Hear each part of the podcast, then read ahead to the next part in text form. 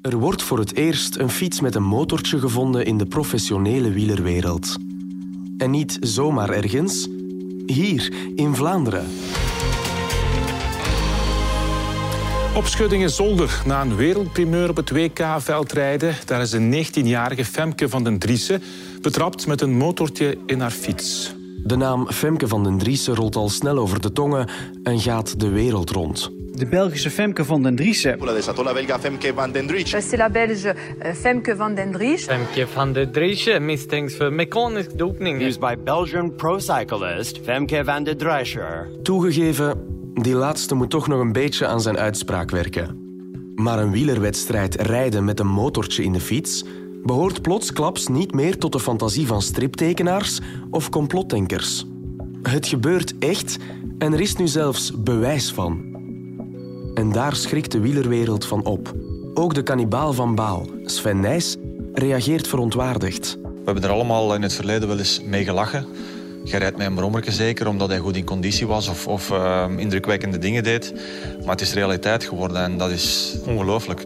Dat kan onze sport echt wel missen. Blijkbaar moeten wij in het leven, in de sport, met alles rekening houden tegenwoordig. En dat is jammer. En dat is inderdaad jammer. Want dit tastbare bewijs creëert een domino-effect aan onderzoeken van de UCI, speculaties en nog meer geruchten in de sport. En dat maakt dat onze Zwitser zijn reputatie weer harder begint te wankelen.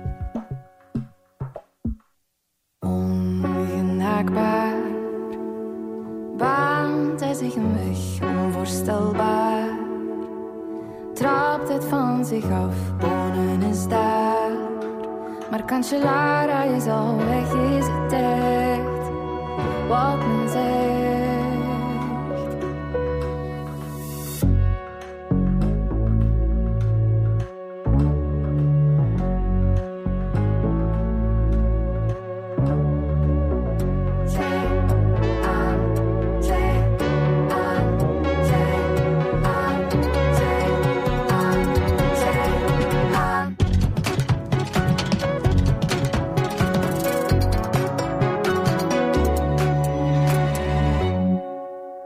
Aflevering 5. De schandpaal. Cancellara zit intussen in de herfst van zijn carrière. 34 jaar oud, maar nog lang niet versleten. Want onze gladiator weet nog altijd wat winnen is. Op 30 januari 2016 voegt hij de Spaanse eendagskoers Trofea Serra de Tramuntana toe aan zijn erelijst. Repitiendo la llegada de Fabián Cancellara. Maar tegelijkertijd, op diezelfde dag, gebeurt er hier in Vlaanderen iets dat een gigantisch grote invloed op onze Zwitser zal hebben. Op de wereldkampioenschappen veldrijden, die hier in Heus de Zolder plaatsvinden, wordt er een motortje gevonden in het frame van de 19-jarige Femke van den Driessen. Onze landgenote was topfavoriete bij de belofte, maar startte slecht en gaf op met mechanische problemen. Na de koers controleerde de UCI met een nieuw systeem de fiets van het meisje. De controle bracht een allereerste geval van mechanische doping aan het licht. En dat zorgt voor turbulentie in het wielerlandschap. Zoveel turbulentie dat we in het verhaal van Femke van den Driessen willen duiken om te kijken wat er daar precies gebeurd is. Al merken we vrijwel meteen dat het verhaal eerder triest dan heldhaftig is. Rudy de Bie, ik ehm, verschoot me een hoedje en ik zie dat jij het er ook moeilijk mee hebt. Goh, Marijn, jong, dit is... eh, ik vind dit schandaleus. Ik, ik heb het echt hier moeilijk mee. Ja, oh. let even zo.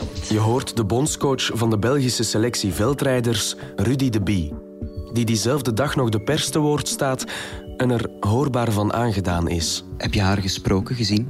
Eh, nee, ik was niet bij. Ik heb haar eh, opgebeld om, om haar van op de hoogte te brengen dat ze moest uitleg komen geven tot verdediging bij de UCI. Ik heb haar zelf niet kunnen aankijken, want de tranen gingen sowieso in mijn ogen komen. En, eh, ja, ik had er het echt verschrikkelijk moeilijk mee. Ik dacht niet dat dit, eh, ja, dat dit van deze wereld was. Een dag na afloop van het WK nodigt Femke van den Driessen een cameraploeg bij haar thuis uit om haar verhaal te doen. Zo va? Altijd veel getraind en dan, en dan dat. En ook Femke is in tranen. Ze houdt bovendien voet bij stuk. Ze heeft niets te maken met het motortje. Vertel eens over gisteren. Wat is er volgens jou echt gebeurd gisteren? Gisteren ik was aan het koersen en de fietsen werden gecontroleerd in de materiaalpost. Met mijn mechanicus gaan we met fietsen zonder probleem, want ja, zij wisten daar ook niks van. Ik weet daar ook niks van. Dat is mijn fiets niet. Mijn, mijn mechanicus moeten zich vergist hebben van fiets. waarom stond die fiets dan bij jou?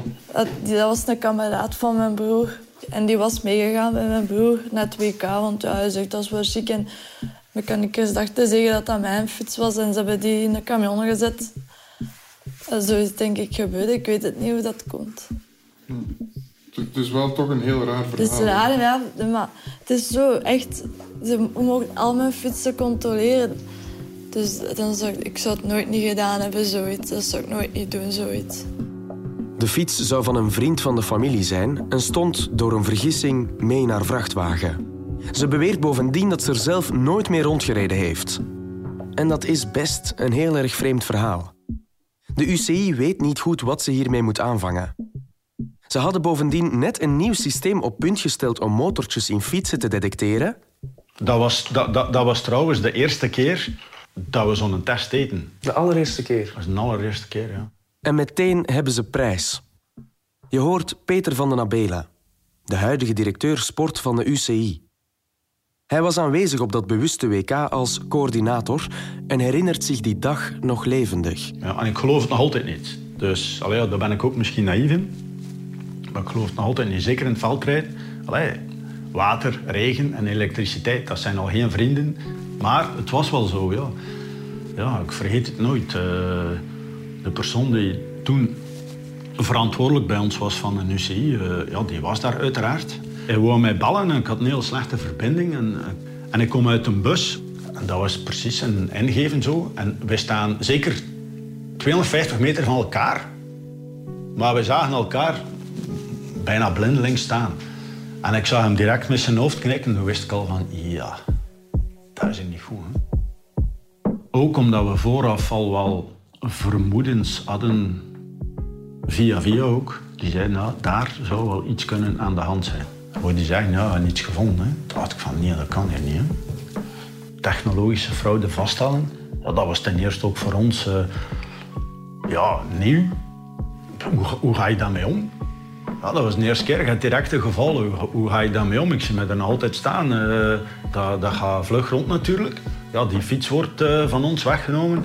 Maar de mensen die zagen dat direct, die nauw betrokken waren, dat er iets aan de hand was natuurlijk. En ook de journalisten. En, en ja, we kwamen daar buiten en, en ja, de, de pers stond er al rond. En, en ja, ik kreeg dan ook direct de vraag van Karel van Nieuwkerk, ja, wat is er gebeurd en wat, wat gaat er gebeuren en hoe komt het?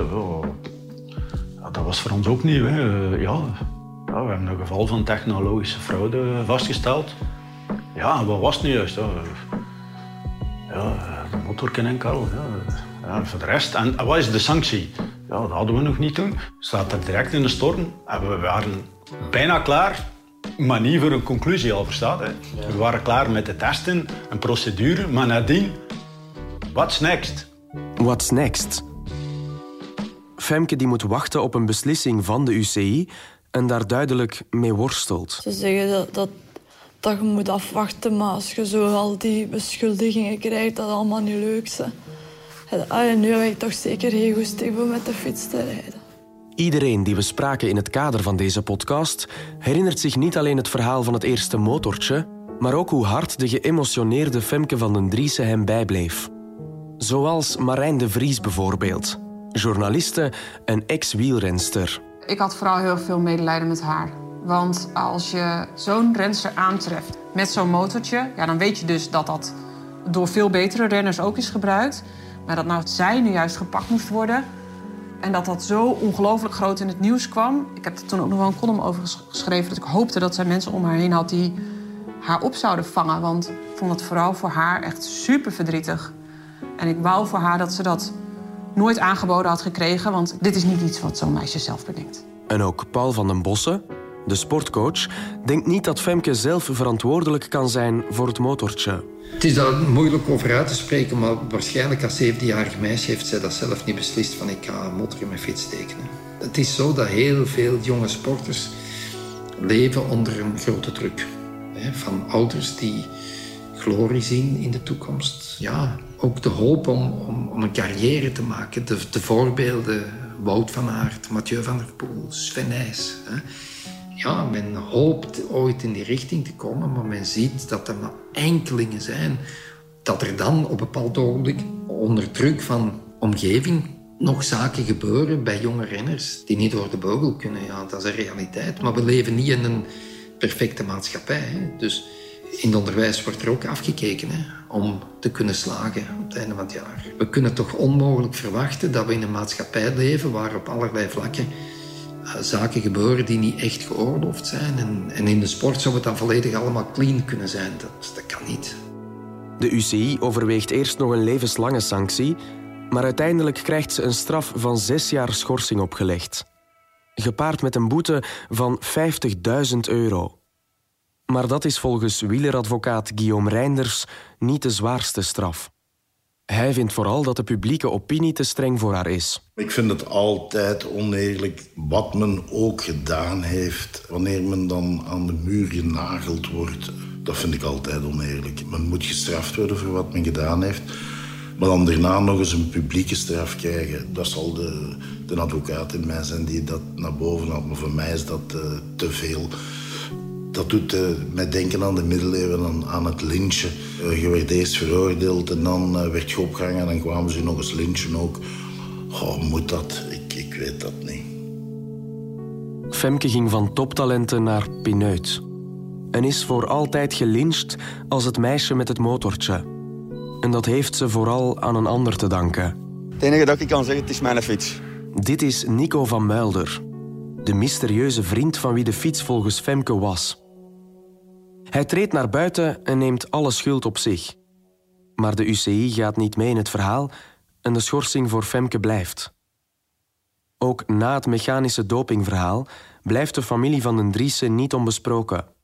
Dat weet ook collega-podcastmaker Jappe Toten. Later is ook gebleken dat de familie van den Driessen, en dan spreek ik over haar vader en haar broer, ook zijn gepakt geweest met het stelen van dure parkieten. Ook iets, zoiets absurd.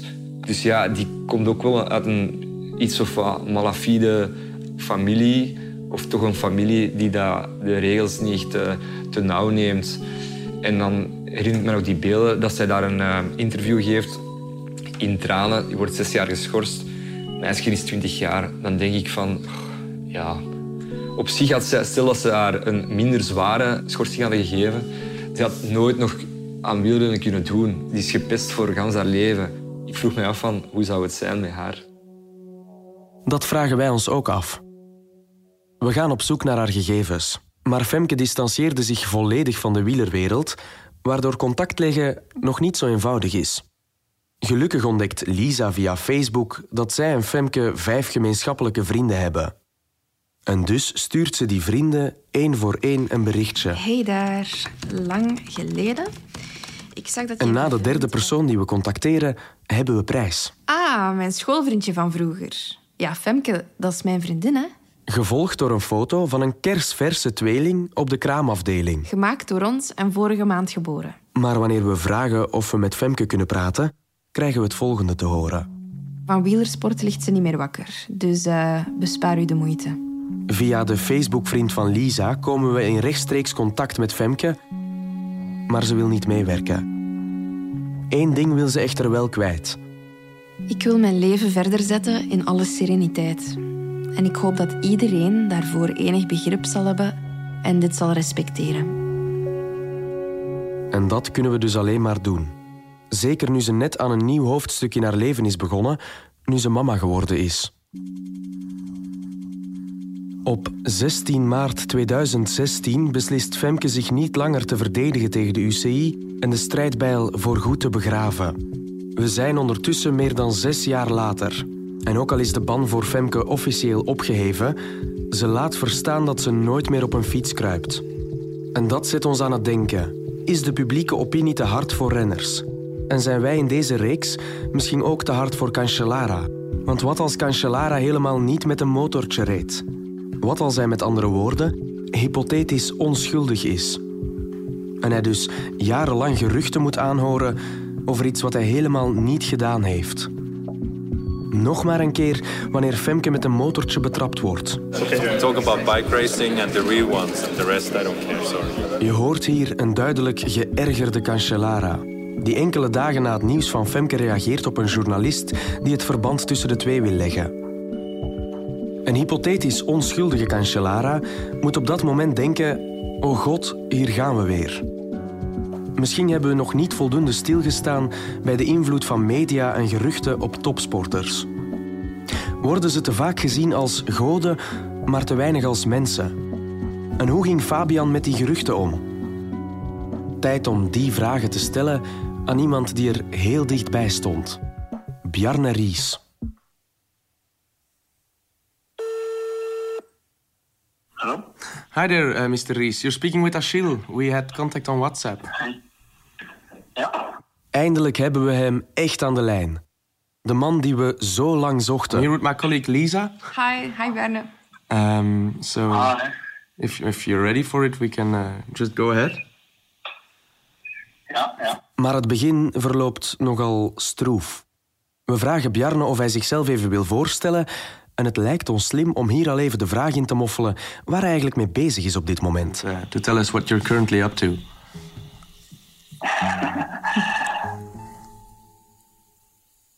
Ja. Oké, als dit zo doorgaat, wordt het echt heel ongemakkelijk. Uh, well, Ries introduceert zichzelf dan toch? my name is Jan Rees and uh, I'm a former cyclist. Uh, right now I'm not really involved in cycling. En dat verklaart de ongemakkelijke stiltes misschien wel. Maar wanneer we het over zijn band met Fabian hebben, wakkert het wielervuur in hem toch weer lichtjes aan. I didn't always do what he wanted me to do, meaning I challenged him and I did not always say yes to him. Ries durfde tegen Cancellara in te gaan. Hij zei niet altijd ja tegen hem. Because Fabian is a guy that it's very easy just to say yes to. Yeah, a big, great athlete, but also a big personality. En dat was niet altijd eenvoudig. Want Fabian is iemand waar je nogal snel ja tegen zegt. One of the strongest characters I've seen, and, and maybe sometimes the weakest character I've seen, uh, needs to feel that we care about him. Cancellara was een sterk karakter. Maar hij kon ook enorm zwak zijn. You know, everybody sees Fabian as a, as a powerhouse, a strong guy, but he was also mentally sometimes weak. Mentaal zwak. En was dat bijvoorbeeld wanneer de geruchten over het motortje ter sprake kwamen? One thing we notice here in Belgium when we talk to people about Fabian is they always bring up those rumors around mechanical doping. Do you remember these rumors? How did the team get along with those accusations? Yeah, you know, I'm laughing now. I, I, it's the only thing I can. Het enige wat Ries kan doen is lachen. You know, really laugh uh, because running actually is something I spent a lot of energy on. Hij heeft veel energie gestoken in het gevecht tegen die geruchten. And Fabian does too. I think it hurts him. En Fabian ook trouwens. Het deed hem zelfs pijn. It hurts him. It doesn't hurt me that much, but but yes, it hurts because I mean I know how, strong he is, how good he is, and to say things like this, you know, without knowing and uh, just guessing. Unfortunately, there's many times in this world things you, uh, you have to face. Jammer genoeg kom je in het leven zulke dingen tegen. I I don't really need to talk about, a lot about this because I, I think it's ridiculous. To be honest, I don't see a reason to, about that. Because come on, Ries ziet niet meteen een reden om veel over dit onderwerp te praten. there's one clip, video sequence. I assume where you say, "Oh, this is this is where he do it," but come on, I think it's a stu- stupid discussion to be honest. Ries vindt het een belachelijke discussie. En dat viel ergens wel te verwachten. Dertien jaar na datum doet het Ries zelfs nog pijn. Wat moet het dan wel niet doen met een hypothetisch onschuldige Cancellara? Misschien zijn we het menselijke aspect dan toch echt te veel uit het oog verloren. Want het ziet er naar uit dat Cancellara een veel gevoeligere persoon is dan dat hij de onaantastbare halfgod is die velen van hem maken. Zeker in het jaar 2016.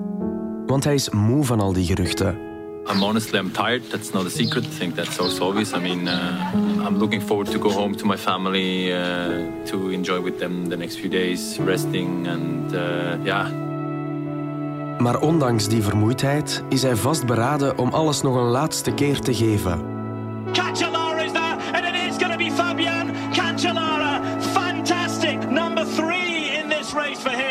Wanneer Femke voorgoed uit de wielerwereld stapt, op 14 maart 2016, heeft Fabian er net een succesvolle Strade Bianche op zitten en wint hij de zevende etappe van de Tirreno Adriatico. But here, back to his brilliant best. Yet another win for Fabian Cancellara. En zo rijdt hij verder en verder en verder. Onze gladiator haalt echt het onderste uit de kan en bijt nog een aantal maanden extra hard op de tanden. Hij haalt de vierde plek in de E3 Harelbeke. Fabian Cancellara lurking at the back. Will we have one of his trademark last kilometer attacks? De tweede plek in de Ronde van Vlaanderen. Une deuxième place. Je donne le maximum au dernier Flandre. En de veertigste plek in Parijs-Roubaix. That's Roubaix, and, and I knew that's going to be a special race. Maar hij bijt door. Cancellara start een ongeziene sprint. Hij wint de eerste etappe in de Ronde van Zwitserland en mag zichzelf nationaal kampioen tijdrijden noemen. Never seen this at the Worlds before. Cancellara has so much time to spare.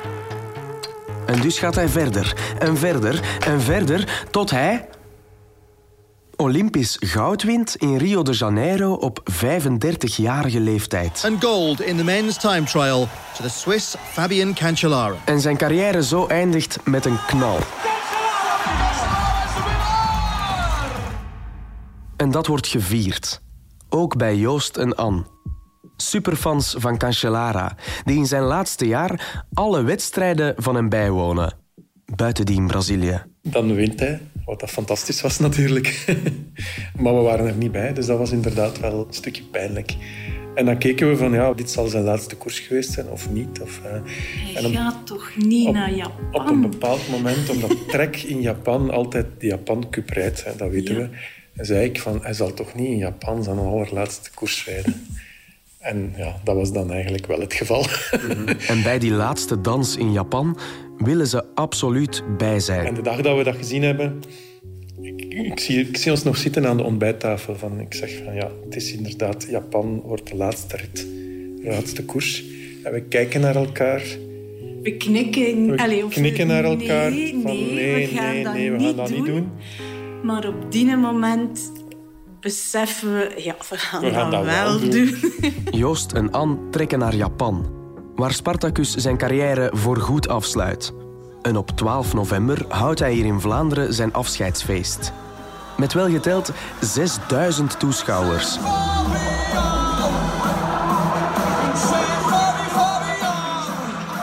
Het afscheidsfeest van Fabian dat is doorgaan in Kuipknegend.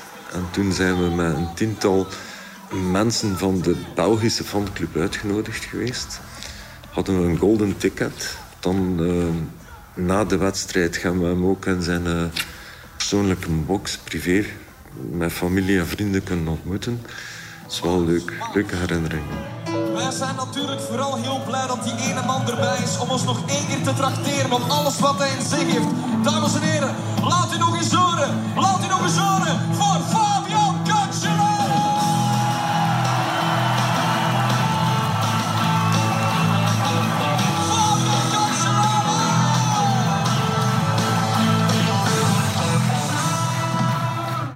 Toen is hij zijn fans komen, Ja. komen bedanken. Dat zijn wij. Ciao, Fabian. En dat was het einde. De Ja. laatste party. Voilà. En zo komt er een einde aan een 16 jaar lange carrière met hoogtes en laagtes. De fanclub draagt Cancellara nog altijd hoog in het vaandel. Ik heb nog altijd mijn oude kaart van de fanclub Fabian Cancellara. Dat doet je nooit niet weg. Dat is een uniek document. Ja, dat doet hij niet weg. Hè. Dus dat, is, dat is een symbool. Dat is de liefde voor die man. En daar staat hij op. En dat is ook schoon. Dat is ook prachtig. Ja, het is een wielergod. Hè. In onze nieuwe hypothese van een onschuldige Cancellara vragen we ons af hoe het moet gevoeld hebben. Om op pensioen te gaan, wetende dat je onschuldig bent, maar dat je het tegendeel voor sommigen maar niet kan bewijzen.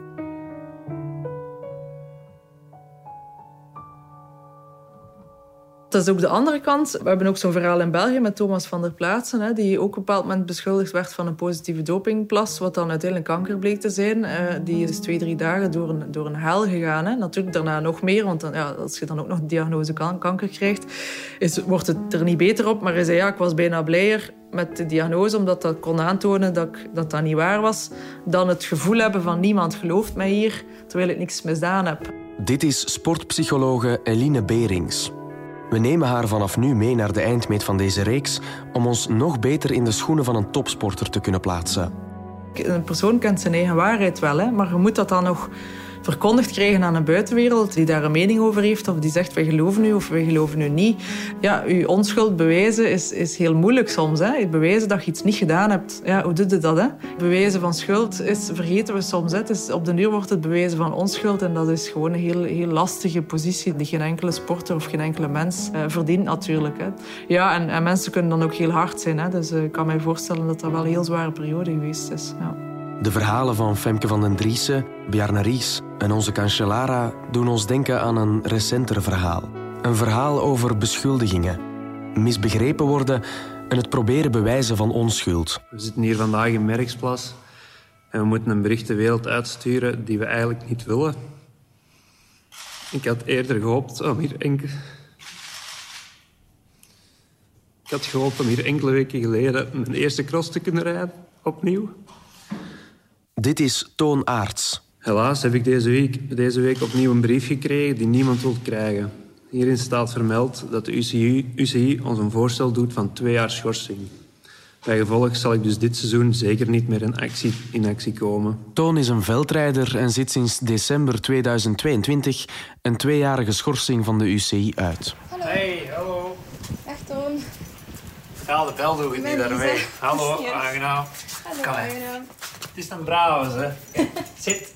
We wilden graag met iemand spreken die weet hoe het voelt om aan de muur genageld te worden, op basis van vermoedens en minimale bewijslast. Koffie of wat kan ik aanbieden? Een koffie mag, ja. Ja? ja Oké. Geweldig, dank u. Zijn verhaal begint op een doodgewone maandag. Dat was uh, op het einde van vorig seizoen, waar we een koffietje gaan drinken met de crossers vanuit de streek. Dat is iets dat we vaker doen op maandag. En ik kwam aan van, uh, van het fietsen dan terug in de douche. En mee dat ik eigenlijk mezelf afgedroogd had, kreeg ik telefoon van een Zwitsers nummer.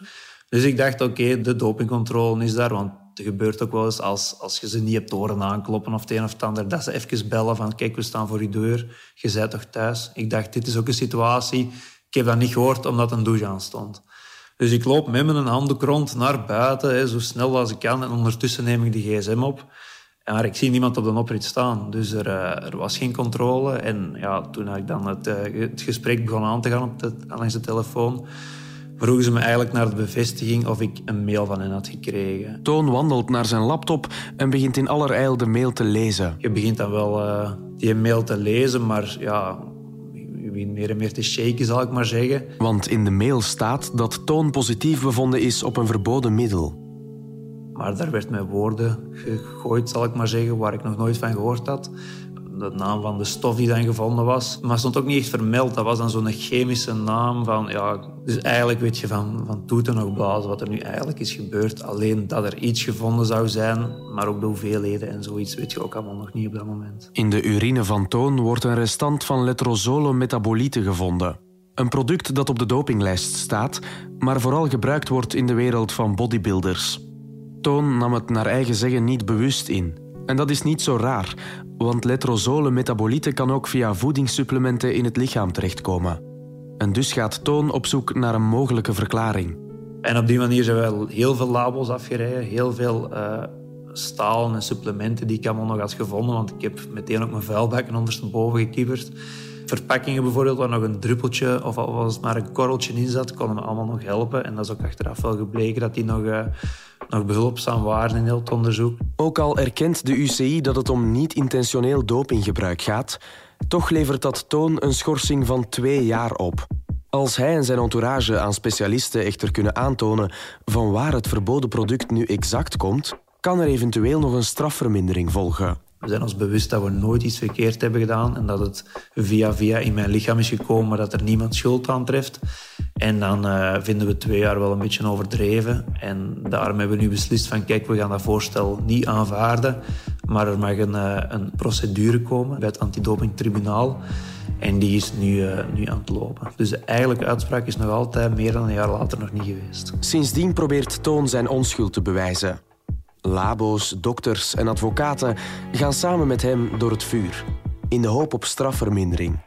Maar naast de schorsing mogen we de psychologische aspecten van zo'n beschuldigingen niet onderschatten. Vanaf de eerste dag durf je niet meer buiten komen. Hè. Ik wist het dan maandags. Ik heb het dan dinsdagsavonds bekendgemaakt. Maar tussen het moment dat ik het wist en de bekendmaking was het alsof iedereen al kwaad op me was. Terwijl dat dat niet klopt, want de mensen wisten het nog niet.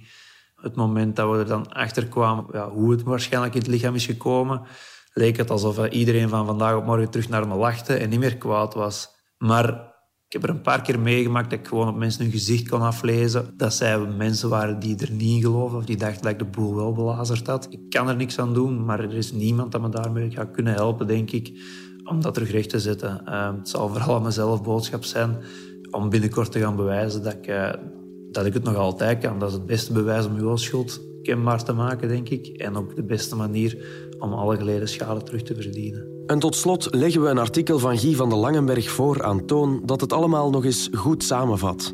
De strijd tegen doping in het wielrennen was jarenlang een lachertje. Van renners die fraudeerden waar controleurs bij stonden en van straffen die eigenlijk geen straffen waren. De slinger is intussen helemaal naar de andere kant uitgeslagen en wij juichen dat in grote mate toe.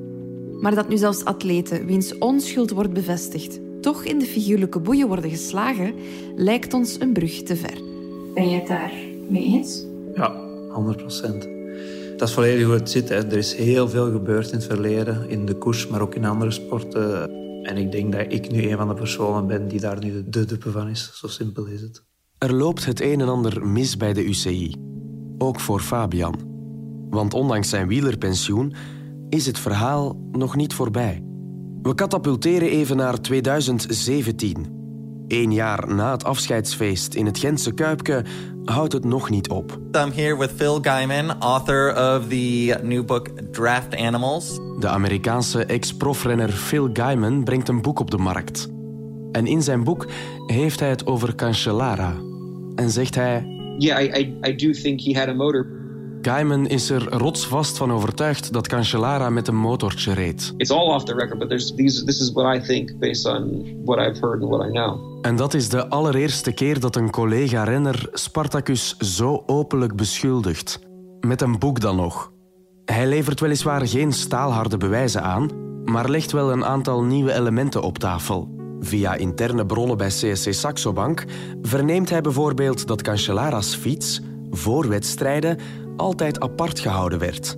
En dat er bovendien meerdere renners in het peloton overtuigd zijn van het motortje. Op zich geen baanbrekende zaken, maar het creëert wel opnieuw commotie. Zoveel commotie dat het eindelijk een onderzoek van de UCI in gang zet. En daar zat men al even op te wachten. Want voordien werden er al wel onderzoeken gedaan, maar die verliepen nogal chaotisch. In een Franse documentaire uit 2016, waarin onderzoekers aan de hand van warmtecamera's het peloton afgingen, vonden ze bij maar liefst zeven renners dubieuze warmtebronnen in het kader die mogelijk op een motortje kunnen wijzen. Maar de toenmalige UCI-voorzitter, Brian Cookson, vindt dat onvoldoende bewijs om verdere stappen te ondernemen. Hij steekt het op wrijving of andere verklaarbare redenen. C'est peut-être des frictions. Je ne sais pas. In 2017 doet de UCI dan uiteindelijk toch wat er van hen gevraagd wordt. Ze starten een grootschalig onderzoek. Niet alleen naar Cancellara en zijn zeges, maar naar mechanische doping court. De nieuwe UCI-voorzitter, David Lapartien, kondigt aan dat hij... De slordige boel zal opruimen die Brian Cookson, de vorige voorzitter, niet opgeruimd kreeg. Zoals niet streng genoeg handelen in zaken rond mechanische doping. En men stelt een soort detectieve aan. De 40-jarige Jean-Christophe Perrault wordt op de zaak gezet. Niet te verwarren met Poirot. Hij is een ex-profrenner met een achtergrond in ingenieurswetenschappen en is dé man om de strijd tegen mechanische doping aan te gaan.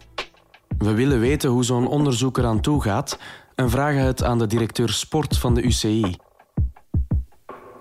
Dat weet ik echt niet, want ik was toen nog niet betrokken. Uh, Ze gaan wel, een onder... oh ja, ze gaan wel navraag hebben gedaan, maar ja, als die fiets weg is... Uh... Als de UCI de fiets al niet kan vinden, hoe kan je dan een onderzoek voeren? En wat hebben ze überhaupt onderzocht? Met wie hebben ze gepraat? We beslissen om Perrault, de man die op deze case gezet is, om uitleg te vragen.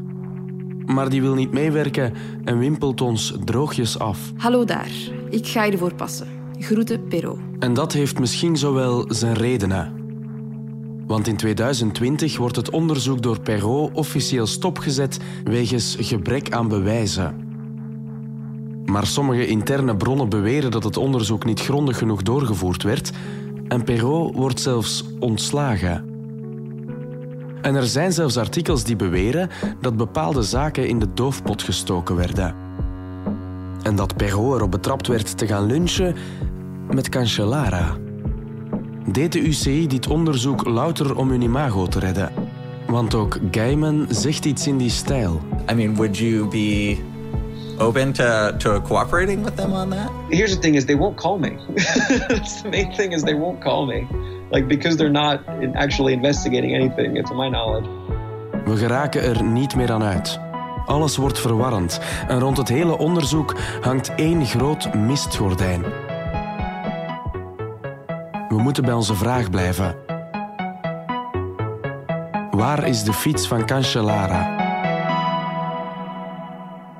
Misschien moeten we hem zelf eens om antwoorden gaan vragen.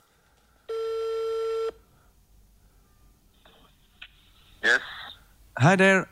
Is this Fabian? Yes. Ongenaakbaar baant hij zich een weg onvoorstelbaar. Trapt het van zich af, Bonen is daar. Maar Cancellara is al weg, is het echt wat men zegt. Dit was de vijfde aflevering van de zesdelige podcastreeks De Fiets van Cancellara. Een podcast van de Podcast Planet. In opdracht van HLN.